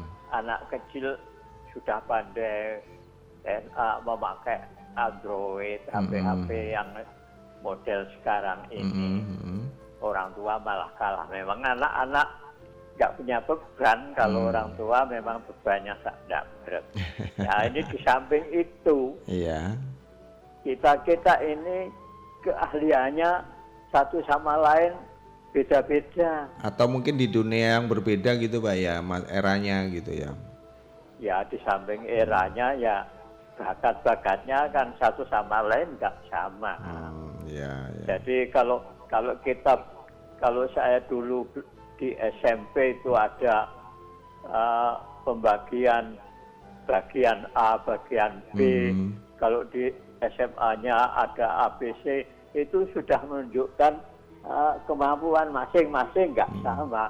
Jadi kalau seperti teknologi yang sekarang tidak saja sekarang saja yang dulu-dulu ya kurang bagi saya, untuk saya ya kurang bisa Iya, mengikuti. iya, betul sekali. Jadi apa itu masing-masing itu kemampuannya kan beda-beda. Iya. Kalau kita mengenali sastra aja Ah. itu menunjukkan eh, pribadi seseorang yang tidak menyeluruh, artinya tidak eh, menyangkut sosialnya, Hmm. kepribadian kemanusiaan secara utuh. Kalau ditambah lagi teknologi itu menyangkut juga ya sastra atau seni, Mm-mm. ya manusianya, juga keahliannya, kemampuannya tidak saja menyangkut manusia, tetapi juga menyangkut seluruh keadaan alam, sifat-sifat alam. Jadi mempelajari teknologi, itu budaya ya manusia ya keahliannya, kemampuannya. Jadi kalau mema- eh, ada yang teknologi tapi bisa mengikuti semua budaya, kepribadian manusia atau sosial. Ada juga yang hanya eh, mengenal keseniannya saja, tidak meng- mengetahui teknologinya, sosialnya saja, manusianya, seluruh manusia itu ada uh, kepribadian budaya, ada sifat-sifat jasmani dan sebagainya. Jadi semua ini uh, mengenali untuk memahami kehidupan apa yang ada dalam kehidupan ini dimanfaatkan semaksimal mungkin baik uh, kepribadiannya, seni budayanya, manusianya juga uh, apa yang terkandung dalam kehidupan alam ini yang telah dijadikan oleh sang kalik itu dimanfaatkan oleh manusianya ah, tapi masing-masing mempunyai keahliannya sendiri. Kalau saya jelas jelas ya eh, teknologi kurang eh, menguasai Walaupun ya bi- eh, teknologi sendiri kan bisa dipelajari ya, Pak ya. bisa bisa tapi kan itu yang mem- mempunyai keahlian seperti saya ya Mas Heru. Waktu di SMP itu Hmm. Ya, ada ya, pembagian ya, ya, ya, sastra dan bagian Oke, B oke. itu pasti. Hmm, Sastra saya nggak minat. Pilih B waktu itu kelas 2, kelas 3 sudah Hmm. Oke. memilih uh, ba- bagian pasti. Ya, Kalau ya. pasti itu bisa mengenali Ya, kalau sastra itu hanya mengenali budaya saja. Oke. Tapi kalau sosial juga mengenali manusianya, keahliannya. Ya. Tapi kalau pasti itu mengenali manusia, mengenali Ya. eh, Oke, apa yang singkat terkandung saja. dalam Om John. alam Halo. juga ya. Oh, singkat saja, intinya ke tema kita terkait dengan teknologi. Kalau Om John yang mungkin bisa di-share perbedaan tadi kita sudah bisa menangkap ya. Memang di era Om John dengan kita yang sekarang memang sangat berbeda sekali. Nah ini dari kacamata Om John sendiri untuk menyikapi teknologi ini yang disampaikan tadi, bagaimana intinya sing secara singkat, apakah eh, dari salah satu tema yang kita angkat di sini seorang youtuber atau membuat video dengan apa dengan beberapa triknya yang disampaikan tadi menurut Om John ini hal yang positif enggak? Kalau positif Hmm. dan negatif juga Hmm. sudah saya pernah sampaikan. Hmm? positif dan negatif itu tinggal manusianya bagaimana memanfaatkan. Apakah itu teknologi yang disalahgunakan? Enggak karya-karyanya maksud saya, positif? Semua itu tergantung manusianya dimanfaatkan ke arah mana dan tujuan apa. Jadi semua itu bermanfaat kalau dimanfaatkan secara baik oleh Oke, si baik. pemiliknya. Ah, ah, Oke, Om John terima kasih sekali sudah bergabung. Ini lagunya apa ini? Eh, lagunya ya Ah. itu biasa aja terateku aja. Ah, iya, Gitu. oke, oke. Salam untuk Ah, semua. Iya, terima kasih. Selamat juga untuk Ah. kandidatnya. Iya, Ya, Mas Edonya selamat beraktivitas. iya, iya. Terima kasih. Selamat malam. Assalamualaikum warahmatullahi wabarakatuh. Mas Edo, Iya. itu senamnya tanggal 19 itu tidak di, diubah ya. Diundur. kurang kurang begitu tahu Pak kalau nanti saya diinformasikan untuk Oh, teman-teman. iya. Iya, iya, iya. Oke. Ah, ah. Oke. M- Mungkin karena beberapa waktu yang lalu juga pernah dirubah Ya, karena ya, ya. ada Hmm. bertepatan dengan dengan Sumpah Pemuda dan sebagainya. itu. Nggih, nggih. Ya. Nanti kita informasikan Pak. Nggih, Iya, Mas. Edo. Terima kasih. sama-sama. Selamat malam. Assalamualaikum Waalaikumsalam. warahmatullahi wabarakatuh. Waalaikumsalam warahmatullahi wabarakatuh. Ini Kang Om John yang di sekitar Perintis. Terima kasih sekali untuk ya berbagi sharing lah. Memang Ya. dari kacamata beliaunya memang sangat berbeda ya tentang generasi old dengan generasi milenial. now ya milenial sekarang ini. Ya memang itu secara prinsipnya hampir sama, tapi pada saat itu era itu memang belum mengenal teknologi, pelajaran ini dan itu. Nah ini kalau kita kaitkan dengan tema malam hari ini ya untuk Kang Jidat sendiri pandangan eh, seperti apa sih yang sebenarnya yang ingin dicapai dalam dalam menggeluti di dunia YouTube apakah hanya finansial kah atau mungkin kenyamanan atau yang bagaimana ini saya disampaikan monggo silakan Ya, Eh. um, YouTube lebih dari TV. gitu ya Itu uh, slogan dari teman-teman youtuber yang di Jakarta. Hmm. Um, jadi inti dari itu sebenarnya lebih ke YouTube channel atau kanal kita itu sebagai wadah, itu Hmm. sebagai rumah kita. Hmm. Uh, kita bebas berekspresi di situ, tapi tentu dengan um, batasan-batasan moral, etika, dan hukum. Hmm. Terus ya kita bisa berbuat sebe- se- mengekspresikan diri lah. Hmm. Kita bisa berbagi sesuatu. Jadi kalau masalah positif negatif tentu itu juga uh, efek ya ah. pasti ada satu jadi sebisa Hmm. mungkin juga saya juga bergabung di relawan TIK Hmm. terus saya juga termasuk orang yang peduli sama pendidikan anak artinya juga Hmm. saya sebisa mungkin harus membuat konten yang ramah untuk Hmm. anak juga gitu ya. oke oke nah sekarang kaitannya dengan ini Kang ini tadi tanggapan paling tidak ada ada ada si eh, kesinkronan dengan apa yang disampaikan Om Jom tadi. Memang betul sekali yang disampaikan.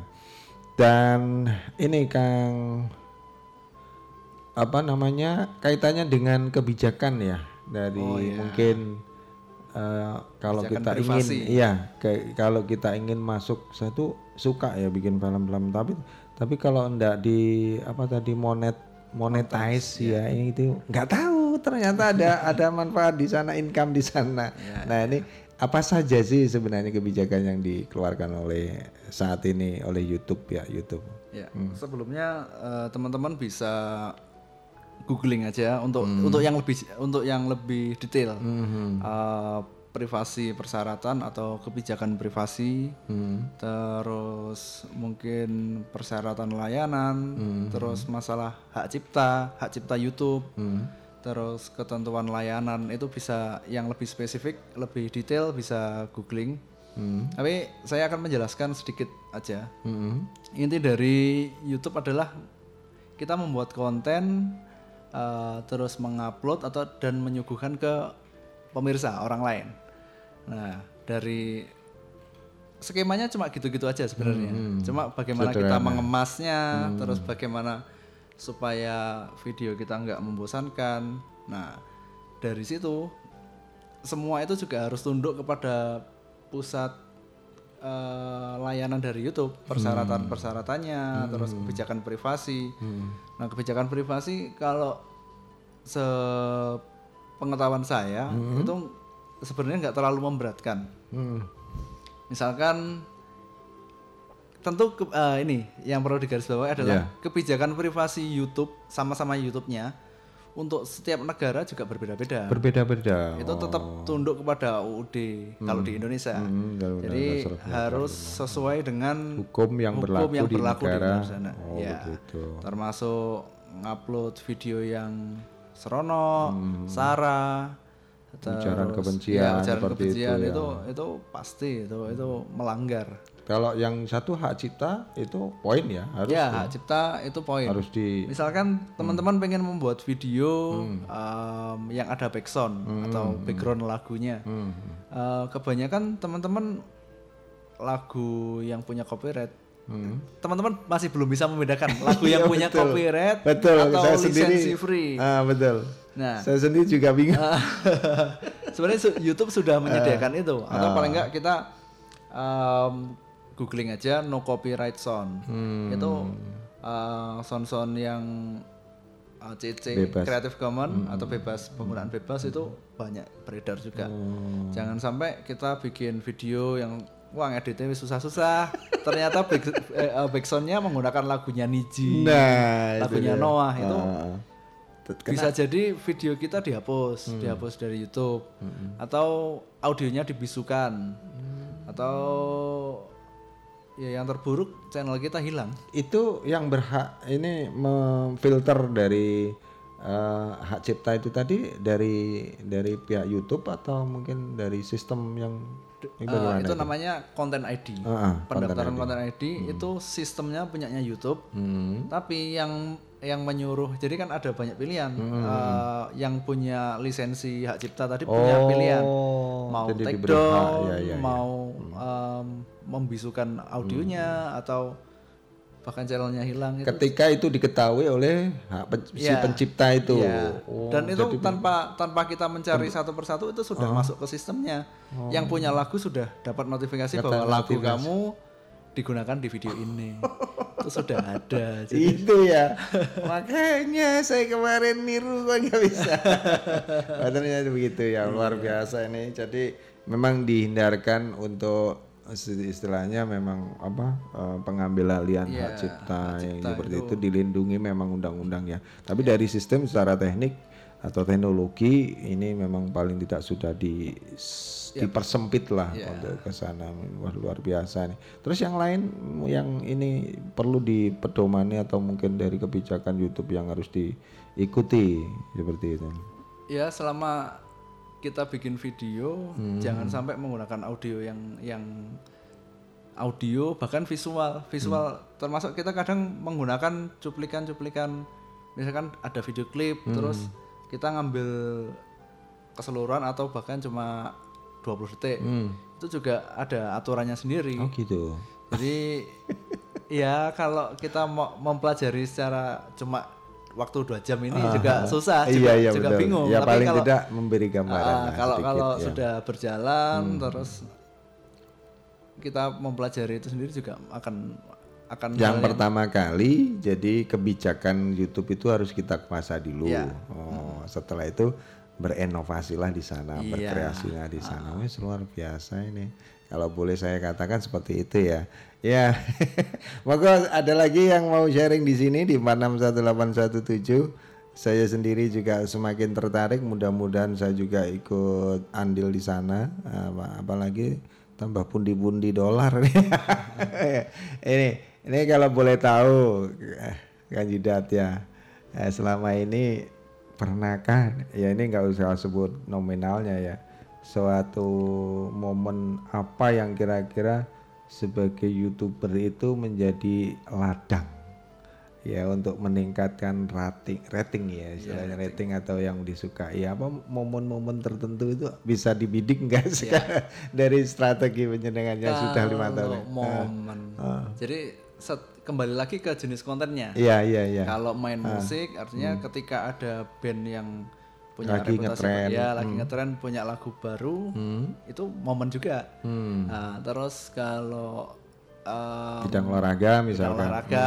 Hmm. ya, Asian Game Hmm. Asian Para Game kemarin juga momen juga kita membuat berita tentang itu Hmm. termasuk tahun politik kita Hmm. bikin bikin berita yang tentunya bukan hoax ya Iya, iya, iya, betul. itu Hmm. ya itu momen semua sebenarnya tinggal tinggal bagaimana kita uh, mencari celah mencari peluang itu. Hmm. itu penting banget itu. Oh, jadi nggak nggak harus berdiam diri. Ya asalnya bikin gitu aja ya. Iya kalau itu. ya hasilnya juga asal-asalan nantinya. iya betul sekali.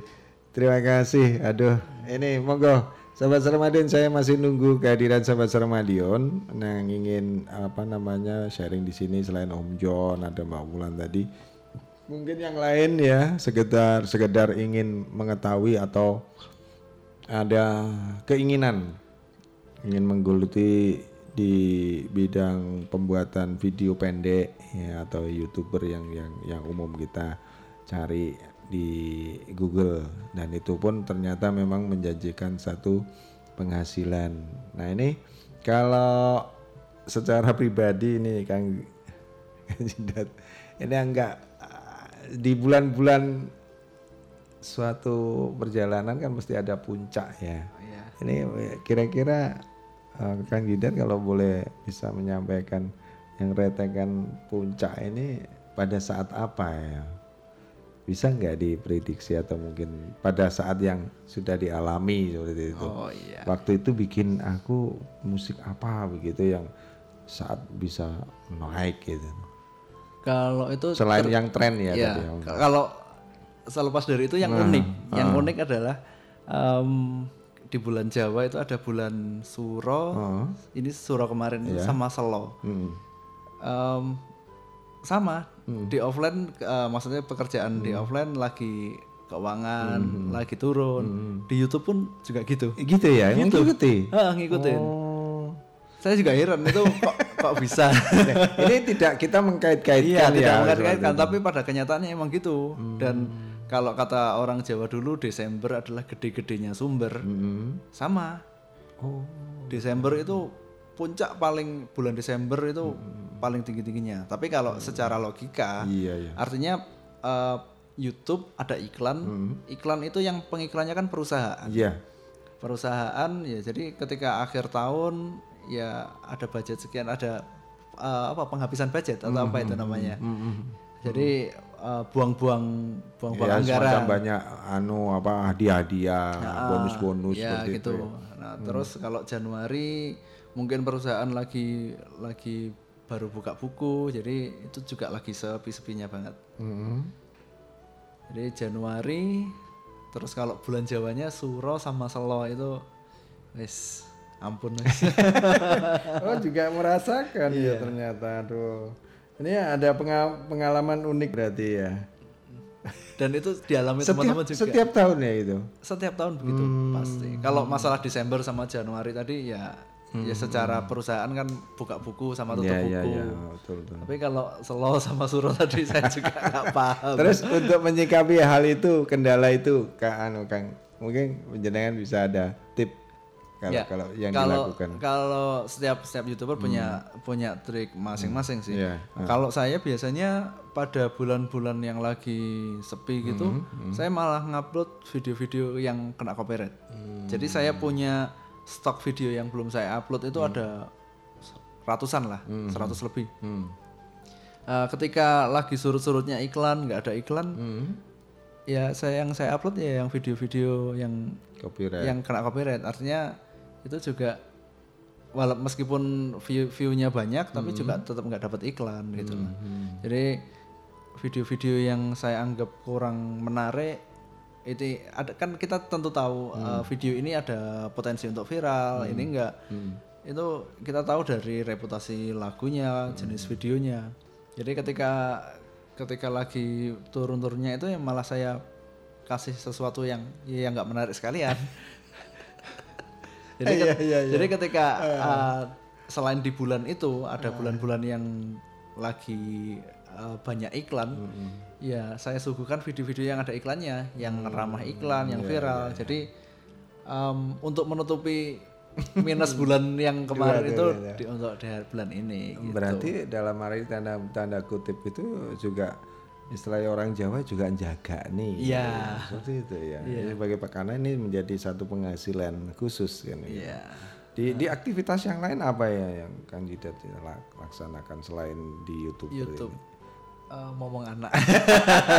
iya nih. Selamat deh untuk babynya yang baru dua Iya, bulan ini. Waduh, saya dapat informasi tadi sahabat Sarmadin. Wah ini lagi-lagi bahagia bahagianya. Coba ceweknya. Cewek. Cewek. Iya. Nah ini ini kalau udah cewek ini bapaknya pasti kerasan di rumah.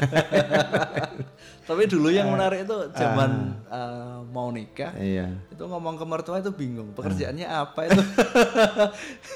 YouTuber, YouTube itu apa lihat? Aduh ini aku. Iya betul. Ya memang itu tadi perbedaannya Iya. sangat jauh sekali ya. Saya Iya. sendiri kalau kalau dengan perkembangan sekarang yang di usia saya sekarang ini saya sendiri ya harus harus mau nggak mau ya Iya. tetap harus sedikit paling tidak mengerti Iya. ya, seperti itu. Nah ini eh, sedikit eh, sebagai apa namanya karena menit di 47 waktu kita juga sangat terbatas ini Kang Didat mungkin sebagai closing aja Hmm. di ini apa sih sebenarnya eh, yang ingin disampaikan atau yang ingin dicapai oleh Kanjida sendiri secara eh, pribadi, keluarga atau mungkin yang lain untuk pesan kepada sahabat suara Madiun. Ya, saya s- sebelumnya mau menginformasikan. Tapi sebelum eh, sebelum ada closing, saya terima dulu ya. Siap. Barangkali ada yang manfaatnya. Iya. Selamat malam. Halo, selamat malam. Iya Mbak kembali balik lagi. lagi monggo. Semakin lama kok semakin menarik gitu Ah, ya. ah, ah, ah. Ya Allah, luar biasa. Allahu Akbar. Iya. Indonesia ini benar-benar jelita banget gitu ya. Hmm. Cantik, jelita, makmur, subur. Seperti putranya. seperti Kanjida. putranya Mas Didat. Iya. Alhamdulillah. ya, semoga menjadi anak yang solehah. Amin. Eh, di dalam menggeluti youtuber ini Hmm. sendiri apa sih yang menjadi modal utamanya gitu ya Hmm. Eh, yang menjadi modal utamanya kok sehingga bisa sampai sebegitu luar biasa hasilnya Eh, itu yang pertama yang kedua hal-hal yang eh, saat ini kan banyak hal-hal yang sebenarnya tidak tidak kita inginkan gitu ya Hmm. nah itu eh, apakah bisa di situ dipending gitu eh, Hmm. tidak eh, ditiadakan seperti itu Mas Didat ya. Gitu Maksudnya aja Mas di Didat. pending Eh, itu eh, di pending dari ya maksudnya tampilan. jangan sampai ada Oh. apalagi di sampai-sampai di apa itu di share oleh anak kecil Oh, yang sebenarnya tidak jadi tahu apa kan gitu loh Mas Oh, ya iya, misalnya betul, seperti betul. itu. Iya, iya, iya. Ah, itu aja Mas Tidak Mas Edo, makasih waktunya. Assalamualaikum warahmatullahi wabarakatuh. Waalaikumsalam. Ya, terima kasih. Ini ada Mbak Ulan menambahkan. Ini sebelum closing mau ditanggapi. Nah ini Ah. pertanyaan Mbak Ulan itu sebenarnya yang saya sampaikan ini tadi. Oh, gitu. Kebetulan kan saya Ah. juga uh, kuliah di pendidikan Ah, dasar. ah. Uh, tentu saya juga menaruh perhatian khusus di di ranah itu. Hmm. Um, YouTube saat ini sudah uh, mengeluarkan aplikasi YouTube YT Kids Hmm. atau YouTube Kids. Itu di situ aplikasinya benar-benar ramah banget sama anak. Hmm. Um, di situ sudah ada filter, konten-konten yang muncul adalah konten-konten yang benar-benar bersih. Hmm. Uh, saya rasa ya termasuk bersih lah Hmm. Uh, dari dan ramah buat anak. Jadi di situ uh, visualnya sangat berbeda. Itu langsung landscape. Terus konten-kontennya semua ramah sama anak. Terus kita secara parenting kita uh, pertama kalinya kita bisa setting memasukkan usia anak. Oh. Jadi anak kita usianya berapa? Itu sudah lebih bisa dipilih. Nah, nanti YouTube sudah mem- eh, yang dimunculkan di di parenting itu di di YouTube Kids-nya adalah video yang relevan dengan usia rentan tersebut. Hmm, Jadi- sudah dipilah-pilah. Iya, jadi itu kekhawatiran saya Sudah bahkan juga saya tuh juga akan menghadapi iya, itu. akan menghadapi itu loh.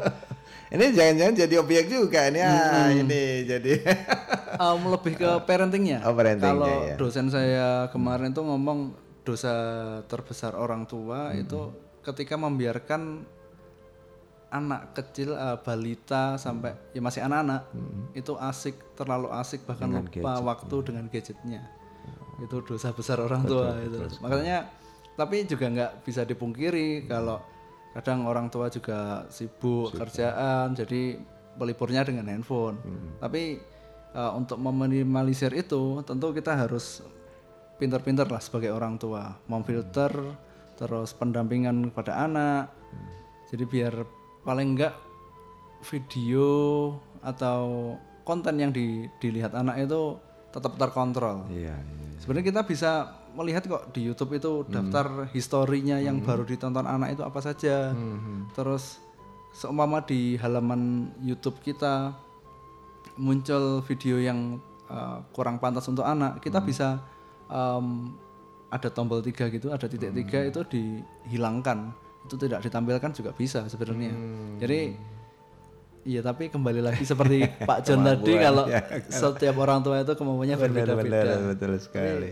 Ya itu tadi. Sebisa mungkin orang tua harus selalu mendampingi. Mengontrol paling tidak Mengontrol itu. mendamping. Kalau ada di sisinya kalau paling paling kalau nanti mau lihat apa le? Kan gitu sudah ada sedikit Iya. ya pengawasan ya oke itu saja closingnya dan mungkin ada pesan untuk eh, sahabat Suramadin yang ingin menggeluti ini atau mungkin ada ada semacam kontak person yang ingin disampaikan atau mungkin ingin edukasi dengan ada share dengan. Oke, siap. Eh, silakan. Em, kalau main YouTube tetap konsisten. Mm-mm, itu mm, ya main mm. apa pun sebenarnya juga itu sih Iya, konsisten. Iya. ya yang penting konsisten itu aja konsisten membuat konten konsisten tetap berkarya konsisten tetap ya tetap berbuat baik lah di Oke. YouTube terus kalau masalah kontak eh, teman-teman bisa melalui eh, Facebook di Yuda Hmm. Taufikur Rahman Mm-mm. atau di Instagram, di Twitter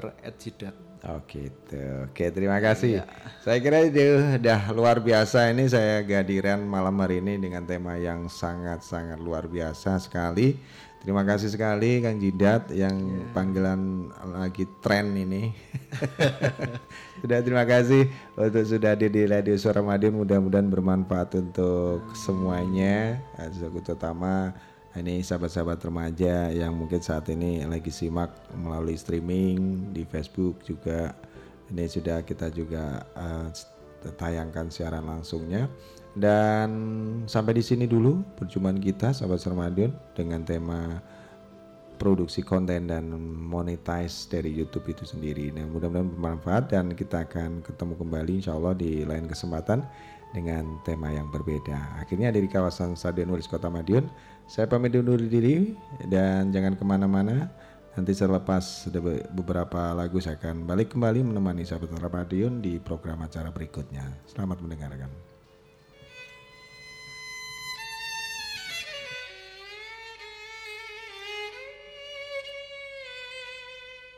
Sejak